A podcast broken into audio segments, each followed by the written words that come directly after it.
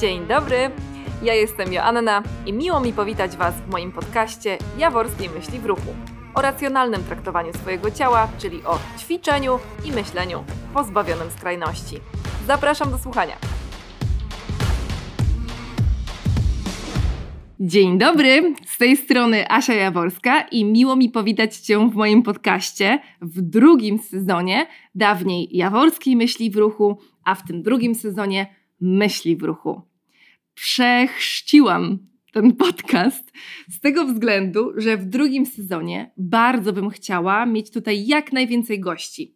I wtedy wydaje mi się, że mówienie o tym, jakby, jakoby to były jaworskiej myśli w ruchu, jest po prostu niezgodne z prawdą, bo będą to myśli w ruchu jaworskiej, jak i wielu innych osób. Oczywiście nie zabraknie odcinków solowych, także kto je lubi, bądźcie spokojni, naprawdę będziecie mogli posłuchać tylko i wyłącznie moich wywodów.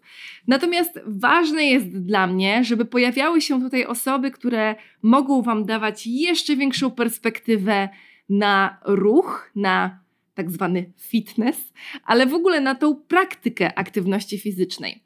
Bardzo chciałabym, żeby w tym drugim sezonie powiało trochę bardziej świeżością. Nie znaczy to, że y, nie pojawią się w nim ranty na fitness, czyli y, tak, nadal będę krytykowała pewne schematy fitnessu i obnażała mity i kłamstwa, które się tutaj pojawiają, ale chciałabym bardzo skupić się na tej pozytywnej części aktywności fizycznej. Bardzo zależy mi na tym, żebyście otworzyli swoje głowy nie tylko na krytykę tego, jak jest i nie tylko odkrywali te prawdy na temat e, fitnessu w waszych głowach, jak i te prawdy, które są gdzieś tam przedstawiane w mediach, ale bardzo bym chciała, żebyście zapragnęli się po prostu ruszać i próbować może nowych typów aktywności fizycznej. Byłoby to dla mnie naprawdę miłe. Pierwszy odcinek Jaworskiej Myśli w Ruchu wypuściłam dwa lata temu, słuchajcie, czyli w październiku 2020 roku. W każdym razie y, minęły dwa lata, a odcinków wcale dużo nie wyszło, bo wyszło ich raptem 33 dotychczas. Natomiast dla mnie to były bardzo ważne odcinki i w ogóle sam podcast w sobie, y, te pierwsze odcinki, chociaż może o niektórych rzeczy powiedziałabym inaczej, szczególnie jeśli chodzi o odcinek numer dwa gdzie możecie też zauważyć tę różnicę między odcinkiem numer 2 a 33 w wywiadzie z Igą. Ale mniejsza o to. Ja dzięki temu podcastowi y, zaczęłam jeszcze szerzej patrzeć na fitness.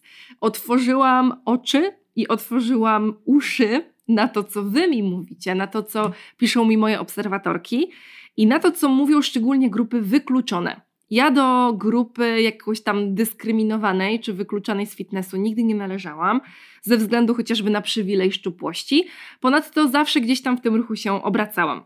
Natomiast coraz bardziej słyszalne stały się dla mnie głosy osób, które nigdy nie ćwiczyły albo wyszły z domów, gdzie aktywność fizyczna traktowana była z nienawiścią, a razem z aktywnością trochę ich ciała. I Mam tutaj na myśli zarówno ich jako body shaming, chociażby od rodziców czy babć wobec ich własnych ciał, tych kobiet, z którymi rozmawiam, ale też um, obserwowanie tego, jak ich mamy mówiły do siebie. I w momencie, kiedy dorastamy w tej kulturze diet, mam nadzieję, że w tej chwili nastolatki mają szansę trochę się z niej wyrwać bardziej, dzięki temu, jakie treści powstają. Chociaż zdaję sobie sprawę z tego, że kultura diet jest bardzo głośna, donośna i zachęcająca. Natomiast dawniej, mam wrażenie, nie było tej przestrzeni. Ona była niezauważalna.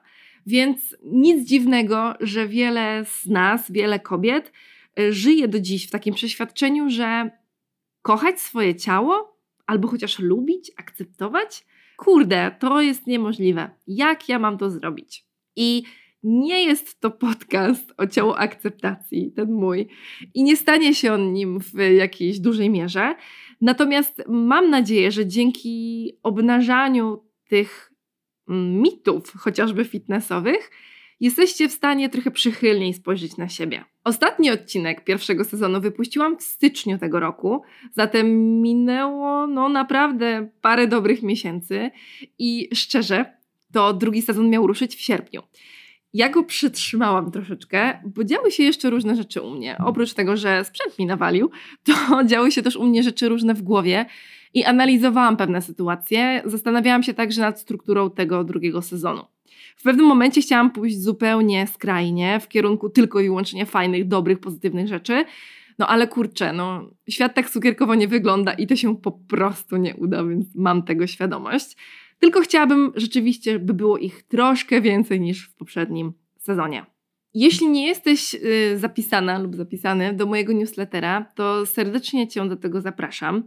myślwruchu.pl ukośnik newsletter.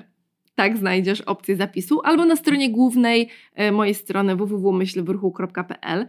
I dlaczego o tym mówię? Ja się ostatnio bardzo rozkręciłam w pisaniu i uwielbiam to robić. No i właśnie w niedawnym liście napisałam o trochę o swojej drodze w branży fitness i o tym, dlaczego mam już dosyć milczenia na temat przemocy, która istnieje w branży fitness. Dzisiejszy odcinek nie będzie poświęcony tej przemocy. Chciałabym zrealizować go z kimś, kto się na tym zna lepiej niż ja. Mam nadzieję, że mi się to uda. Natomiast to, jak traktowane są klientki, nie tylko psychicznie, fizycznie, ale też słownie w internecie, przechodzi moje pojęcie, ludzkie pojęcie, w tym moje. Ostatnimi czasy kilku trenerów odważyło się, chociaż myślę, że dla nich to nie były akty odwagi, tylko oczywista oczywistość i oni robią ważne rzeczy, skrytykować grube osoby na zdjęciach, przy czym jedna osoba zrobiła to wobec osoby zmarłej, zmarłego chłopaka z TikToka, wrzucając jego zdjęcie krytykując to, że otyłość prowadzi do śmierci, ten chłopak był chory i że to jest choroba, i na koniec wklejając linki do szkoleń, które sprzedaje. Eee, kwaśno, kwaśno na maksa. Dlatego uważam, że e, taki głos jak mój jest tutaj potrzebny i mam nadzieję, że za moim głosem pójdziecie też i wy i będziecie też dosyć głośno krytykować to, co się dzieje w internecie, tak, tylko żeby Wam zajawić, co ja mam na myśli, mówiąc przemoc w fitnessie. Na pewno um, kojarzycie przemoc psychiczną, czyli wyżywanie się na klientach, czy też poniżanie klientki e, na swoich treningach, po to, żeby je hmm, zmotywować. E, dosyć obrzydliwa forma, ale niestety się zdarza. To może dziać się nie tylko na treningach personalnych, myślę, że wtedy łatwiej jest. Um, jakoś się postawić, zrezygnować, ale też na zajęciach grupowych przy innych ludziach. Dosyć okrutne. E, drugi typ przemocy, który się pojawia w fitnessie, e, to jest przemoc e, fizyczna. Jakiś czas temu pisałam o tym wpis na Instagramie, o dotykaniu bez pytania swoich klientek. I wiecie, dotyk różni się dotykowi. Można dotykać klientkę bardzo subtelnie, delikatnie, lekko ją dosłownie szturchając, tak żeby tylko poprawiła Y, swoją pozycję w jakimś konkretnym miejscu, a można to zrobić bardzo agresywnie lub wręcz seksualnie. Ale nie zagłębiajmy się w to. Jest jeszcze trzeci poziom przemocy, y, który ja widzę w branży fitness i jest totalnie głośny, bo wiąże się z hejterstwem internetowym. Czyli jest to przemoc słowna, wyrażana poprzez wpisy, poprzez jakieś różne artykuły na blogach czy relacje. I mm, też ostatnio postanowiłam powiedzieć głośny sprzeciw, e, rantując jeden z takich wpisów jednego trenera na moim Instagramie. Dostałam wtedy bardzo dużo podziękowań. Bardzo dużo podziękowań od dziewczyn, które są grupą obrażaną. Od dziewczyn, które są grube, które są poniżane za to, jak wyglądają po prostu, od których wymaga się tego, żeby schudły, ale jak już wrzucają swoje zdjęcie w obecnej sylwetce, to nie pozwala się im na to, żeby żyły po prostu. Nie pozwala się im istnieć i się je krytykuje za to, że są grube. Więc jakby odwieczny problem tego, że z jednej strony schudnij, a z drugiej strony nie przechodź na siłownię, bo nie chcemy na ciebie patrzeć. Masakra. W każdym razie to, jaki poziom osiągają te osoby w internecie, które zajmują się teoretycznie fitnessem, i chcą ludziom pomagać i piszą, że robią to dla ich zdrowia, To jest dla mnie niewyobrażalne. Moja teoria głosi, że chłopaki, bo głównie są to mężczyźni, odzywają się coraz głośniej w takim sprzeciwie wobec ciało pozytywności i ciało akceptacji, bo palą im się dubska. Zbudowali swoje biznesy w oparciu o to, że będą ludzi odchudzać, że będą wpędzać ich w kompleksy, że będą ich zawstydzać za to, jak wyglądają, żeby ostatecznie do nich przyszli i się za siebie wzięli. Tylko w momencie, kiedy szerzy się ten głos, że nie powinniśmy być wobec siebie agresywni, że moglibyśmy wychodzić z pozycji ciała akceptacji, akceptacji siebie i z tej pozycji takiej miłości i troski zadbali o swoje zachowania, a nie o wygląd, czyli o zachowania prozdrowotne. Mam na myśli częstszą aktywność fizyczną, nawet lekką, typu spacer, zachowania typu bardziej odżywcze jedzenie. I nie mówię tutaj o złym, dobrym. Nie ma takiego jedzenia, które jest złe, dobre lub zdrowe, niezdrowe. Ale potrafimy dzięki jakiejś tam skali odżywczości powiedzieć, że coś nas bardziej odżywia, a coś mniej, dzięki witaminom, minerałom, kaloriom chociażby. I nie mam tu na myśli, że niskokaloryczne jedzenie jest bardziej odżywcze. Wcale nieprawda. I w momencie, kiedy pokazujemy tę stronę, to chłopaki czują się zagrożeni, bo ich biznesy powoli się sypią. I w tym momencie wkracza jeszcze gorsza tendencja. Wkraczają, tak jak ja to nazywam, wilki w owczej skórze. Czyli ja to zauważam przede wszystkim u trenerek, które na przykład kiedyś były grube albo były w ciąży i schudły, ale schudły, ponieważ ruszają się więcej i przestały liczyć kalorie i nie zwracają uwagi na to, co jedzą, tylko jedzą tak zgodnie ze sobą i dzięki temu schudły. I pokazują, słuchajcie, swoje zdjęcia przed i po. Jak kiedyś się odchudzałam i byłam napuchnięta, pryszczata i nie wiadomo jaka, a dzisiaj słucham swojego ciała i moja cera jest piękna, promienna, a ja jestem szczupła. No więc słuchajcie, niektórzy z nas kiedyś, kiedyś odchudzali się i byli bardzo chudzi, a w momencie, kiedy zaczynają słuchać swojego ciała, tyją i są grubsi, i to jest ich dobra waga. I w tej wadze czują się dobrze, są zdrowi, zdrowi fizycznie, psychicznie i zdrowi społecznie. Więc nie, nie wszyscy w momencie, kiedy naprawimy swoje relacje z jedzeniem, będziemy najszczuplejszymi ludźmi na świecie, bo szczupłość nie jest tutaj najważniejsza i człowiek z defaultu nie jest szczupły. Drugi typ takich wilków w owczej skórze to są dietetycy. Dietetyczki, które opierają się na jedzeniu intuicyjnym, czyli na jedzeniu, które pozbawia żywienie reguł, które właśnie dba o tą odżywczość jedzenia, ale przede wszystkim o słuchanie sygnałów z ciała. I te dietetyczki odchudzają ludzi jedzeniem intuicyjnym. Jakby rozumiecie, chwytają się za koncepcję, która rezygnuje z y, idei odchudzania, ale one w tak w zgodzie ze sobą, naprawiając relacje ze sobą, e, będą cię odchudzać.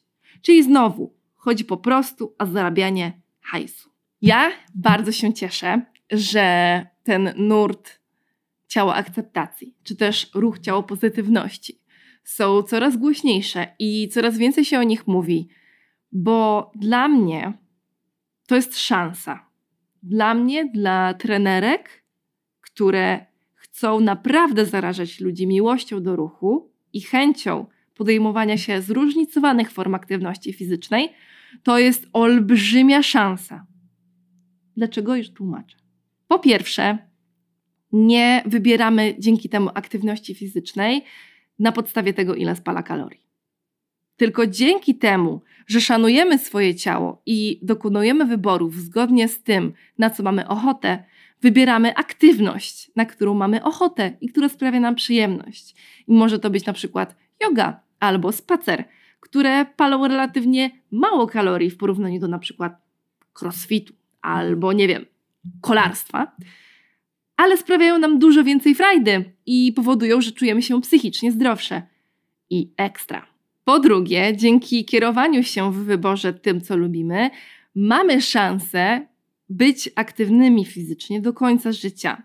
co mi jako trenerce też daje szansę na to, że będę miała klientki wiele, wiele, wiele lat, które będą chciały po prostu ćwiczyć ze mną lub uczyć się ode mnie, bo będą chciały kontynuować swoje całożyciowe ruchy swoim ciałem. Rozumiecie, co mam na myśli? To jest niesamowicie istotne, bo wiemy już dzięki badaniom naukowym, że aktywność fizyczna w późnym wieku opóźnia chociażby procesy neurodegeneracji mózgu. Czyli ten ruch wskazany jest w każdym wieku i dla każdego z nas. Po trzecie, regularna aktywność fizyczna obniża nam poziom stresu, co potencjalnie będzie obniżało też stany smutku i stany depresyjne. To jest dobra informacja, bo środowisko wokół nas, które będzie lepiej sobie radziło z problemami, które ogólnie będzie w nastroju bardziej otwartym do działania i takim zaangażowanym społecznie, to jest środowisko, które pozwala nam się rozwijać. I raczej, nie wiem czy zauważyliście, ale osoby wokół Was, które są gotowe do życia i gotowe do działania, ciągną nas za sobą. Chcemy więcej z nimi przebywać. Otwieramy się społecznie i generalnie czujemy się lepiej, czujemy się zdrowsi dzięki interakcjom społecznym. A poza tym zdrowsze społeczeństwo i mniej chorób psychicznych, no to samo dobro dla nas. I może w tym momencie zabrzmiało, jakbym zrzucała odpowiedzialność za choroby psychiczne e, na ich właścicieli, bo są za mało aktywni fizycznie. Nie, nie, nie, zupełnie tego nie mam na myśli. Mam tylko na myśli takie mm, podstawowe zaangażowanie społeczne i to, że wiemy, że aktywność fizyczna nas odstresowuje. Wiemy dzięki badaniom naukowym, że aktywność fizyczna wspiera w nas dobry nastrój. A to jest bardzo ważny czynnik w tym, żeby lepiej sobie radzić z problemami. Serdecznie Was zapraszam na drugi sezon Myśli w Ruchu. Mam nadzieję, że będzie Wam się on podobał. Nadal będę oczywiście obnażała absurdy tej branży, branży fitness. Y, natomiast, tak jak powiedziałam we wstępie, będzie tutaj dużo więcej radości, pozytywności i opcji do wykonywania aktywności fizycznej przez każdą i każdego z nas. Przypominam też, że ten odcinek, jak i każdy kolejny, postaram się, żeby miał swoją opcję wizualną, zatem będziecie mogli i mogły znaleźć je na YouTubie, na Myśl w Ruchu oczywiście Joanna Jaworska. Zapraszam też Was serdecznie na moją stronę www.myślwruchu.pl, bo jest to strona odświeżona wizualnie. Pozbyłam się tego ostrego różowego i czarnego, który jest taki poważny, a postawiłam bardziej na takie miękkie i przyjemne kolory, zgodnie z tym, co czuję, co myślę i co uważam. Zapraszam Was oczywiście do zapisania się do newslettera oraz pisania mi wiadomości prywatnych, jeśli macie na to ochotę, na moim Instagramie Myślę w Ruchu albo w mailu podcastmałpamyślwruchu.pl. Dziękuję za uwagę. Do usłyszenia w kolejnych odcinkach.